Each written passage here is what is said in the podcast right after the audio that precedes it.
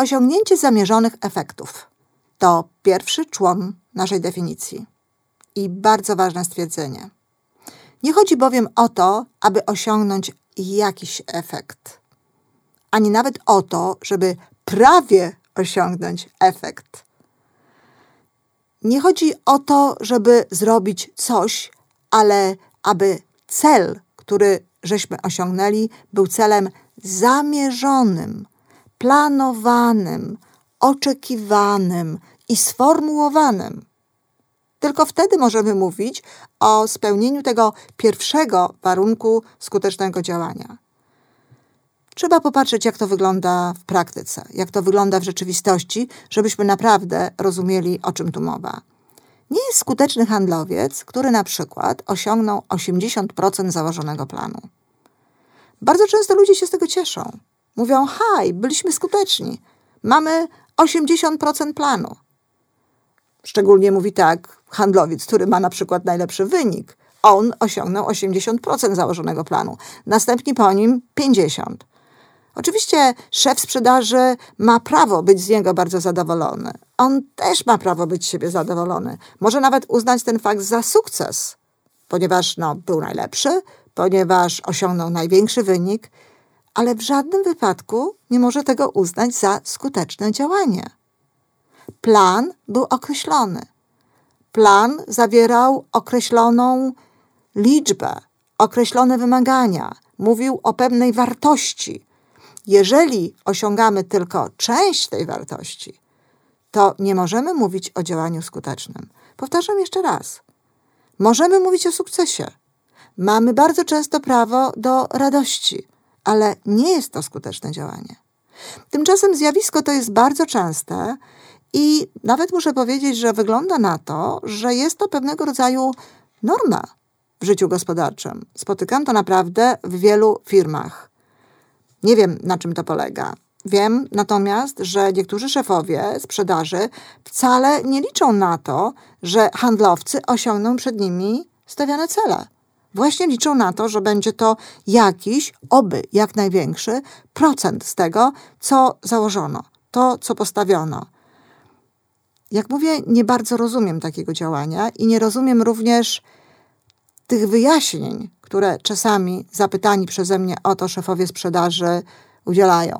Mówią, a wie pani, my to zawsze mówimy więcej, bo jeśli będzie więcej, to wtedy jest szansa na to, że i handlowcy zrobią więcej. Być może tak jest. Być może rzeczywiście tak jest, że te wyższe cele bardziej ludzi motywują i tak bardzo się starają, żeby to wykonać, że w konsekwencji wykonują 80% tych celów i bardzo możliwe, że gdyby te cele były niższe, sytuacja wyglądałaby podobnie, że również wtedy wykonano by zaledwie 80 czy inną liczbę procent tych celów. Że w dalszym ciągu osiągnięto by zaledwie tylko część tego, co właściwie osiągnąć się powinno. Ale to nie znaczy, że tak jest dobrze.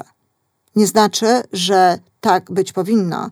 To łączy się niestety z szeregiem zachowań, które są zachowaniami tak naprawdę demoralizującymi i powodującymi, że ludzie przestają na dłuższą metę być rzeczywiście nie tylko skuteczni, ale również spójni wewnętrznie, czyli przestają dotrzymywać obietnic, które sobie stawiają, tracą gdzieś wewnętrzne wskaźniki, bo skoro można wykonać 80% planu, 70% planu i tak naprawdę e, uważa się, że to działanie jest skuteczne, to czym tak naprawdę to skuteczne działanie jest? Bardzo często właściciele firm, oczywiście w małych firmach, czy menedżerowie w korporacjach, czasami uważają również, że te 80% to rzeczywiście jest wystarczający cel, żeby były zyski, te, które gdzieś założono ale to niech wiedzą to ludzie, którzy realizują te cele i niech wiedzą, że tak naprawdę nie realizują 80%, tylko realizują cel, rzeczywiście założony, skuteczny cel. Realizują po prostu 100%.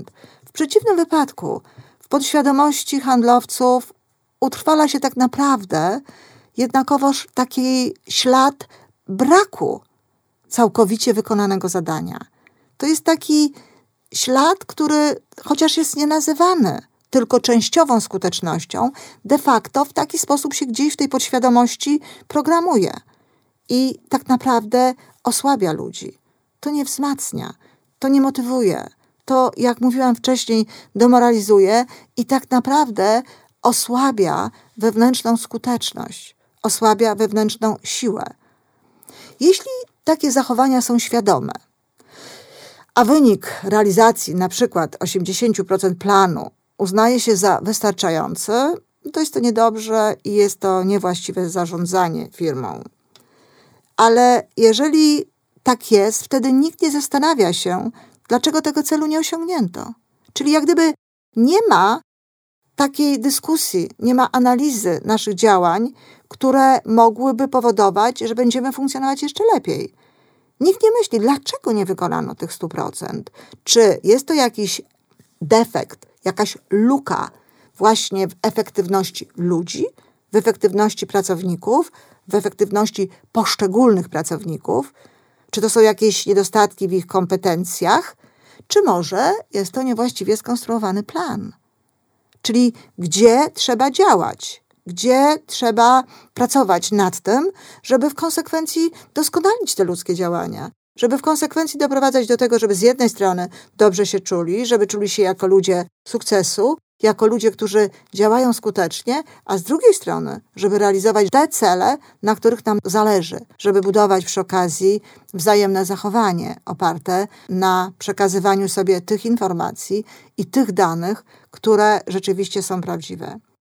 Jeżeli takie zachowania nie są świadome, a wynik realizacji 80% planu uznaje się za wystarczający, to też jest niedobrze. Dlatego, że nikt nie zastanawia się wtedy, dlaczego nie osiągnięto założonego celu, czyli nie wykonano 100%. Nikt nie myśli o tym, czy jest to efekt luki w efektywności poszczególnych pracowników, jakieś niedostatki w ich kompetencjach, umiejętnościach, postawach, czy może jest to niewłaściwie skonstruowany plan. A przecież zupełnie inaczej trzeba traktować i ludzi, i zadania, i pewnie firmę w ogóle, jeżeli wyzwaniem są ludzie, jeżeli brakiem skutecznego działania, brakiem określonych efektów są ich postawy, ich zachowania, a zupełnie inaczej, jeżeli plany, jakie tworzymy, plany, jakie budujemy, są nieadekwatne.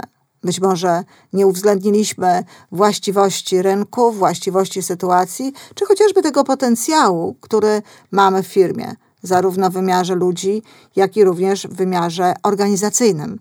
Często tak jest, że środki, którymi dysponujemy, są tak naprawdę niewystarczające do tego, żeby budować plany, które potem chcemy za sprawą tych środków realizować.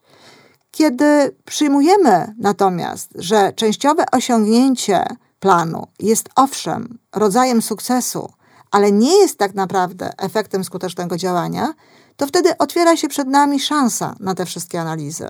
Wtedy możemy rzeczywiście doskonalić swoje działania, możemy doskonalić firmę, możemy ją rozwijać, możemy powodować, że w zakresie różnych potrzebnych do działania obszarów firma będzie rzeczywiście funkcjonowała coraz lepiej. Oczywiście takie podejście do skutecznego działania i do tego, żeby osiągać te cele, które żeśmy sobie zamierzyli, określone cele, dotyczy wszelkich działań. Dotyczy to także chociażby naszego zwykłego, codziennego planowania dnia.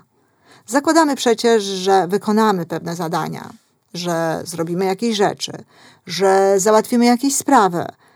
W związku z tym, jeśli nie udaje nam się tego osiągnąć, trzeba zrobić analizę. Trzeba zrobić analizę przyczyn i w podobny sposób do tego podejść.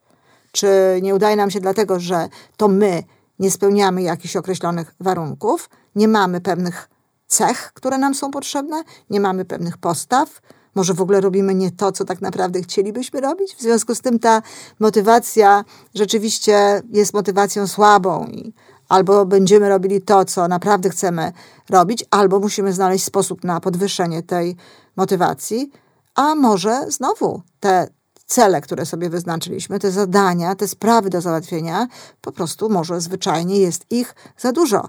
Bardzo często spotykam w czasie szkoleń na temat zarządzania sobą w czasie takie właśnie sytuacje, że to, co sobie wkładają w codzienną rozpiskę, ludzie, szczególnie kobiety, jest po prostu niemożliwe zwyczajnie do wykonania przy tych warunkach, w tych realiach, jakie ta dana kobieta ma. I niestety dzieje się wtedy coś takiego, jeśli nie robimy takiej analizy, jeżeli codziennie pozwalamy sobie na to, że zapisujemy pewne rzeczy, a tylko część z tych rzeczy realizujemy, to przyzwyczajamy się do tego. Przyzwyczajamy się do takiego właśnie życia, że nie robimy wszystkiego. To w konsekwencji doprowadza do tego, że nie przejmujemy się tak naprawdę planami i pewnego rodzaju ustaleniami. Przestajemy się tym przejmować. Przestajemy się przejmować tym, co dzieje się w kategorii naszego umysłu, w kategorii naszych życzeń, w kategorii naszych takich psychicznych, mentalnych dążeń, a w kategorii tego, co tak naprawdę codziennie robimy. Uznajemy to za status quo, za normę i bardzo często w konsekwencji doprowadza to do braku sukcesów. Od takich ludzi dostaję często pytania: jak zacząć, co zrobić, dlaczego właśnie ciągle mi to nie wychodzi. Ano właśnie dlatego, że jest ta wielka rozbieżność pomiędzy tym, co jest w moim umyśle, pomiędzy celami, pomiędzy zadaniami, pomiędzy tym, co ja tak naprawdę w umyśle uważam za efekty, a pomiędzy tym, na co się godzę na poziomie zachowania. Najważniejszą sprawą jest w tym pierwszym punkcie skutecznego działania doprowadzenie do synchronii pomiędzy tymi dwoma elementami. Czyli musimy pamiętać, że skuteczne działanie ma miejsce tylko wtedy, kiedy osiągamy zamierzone cele.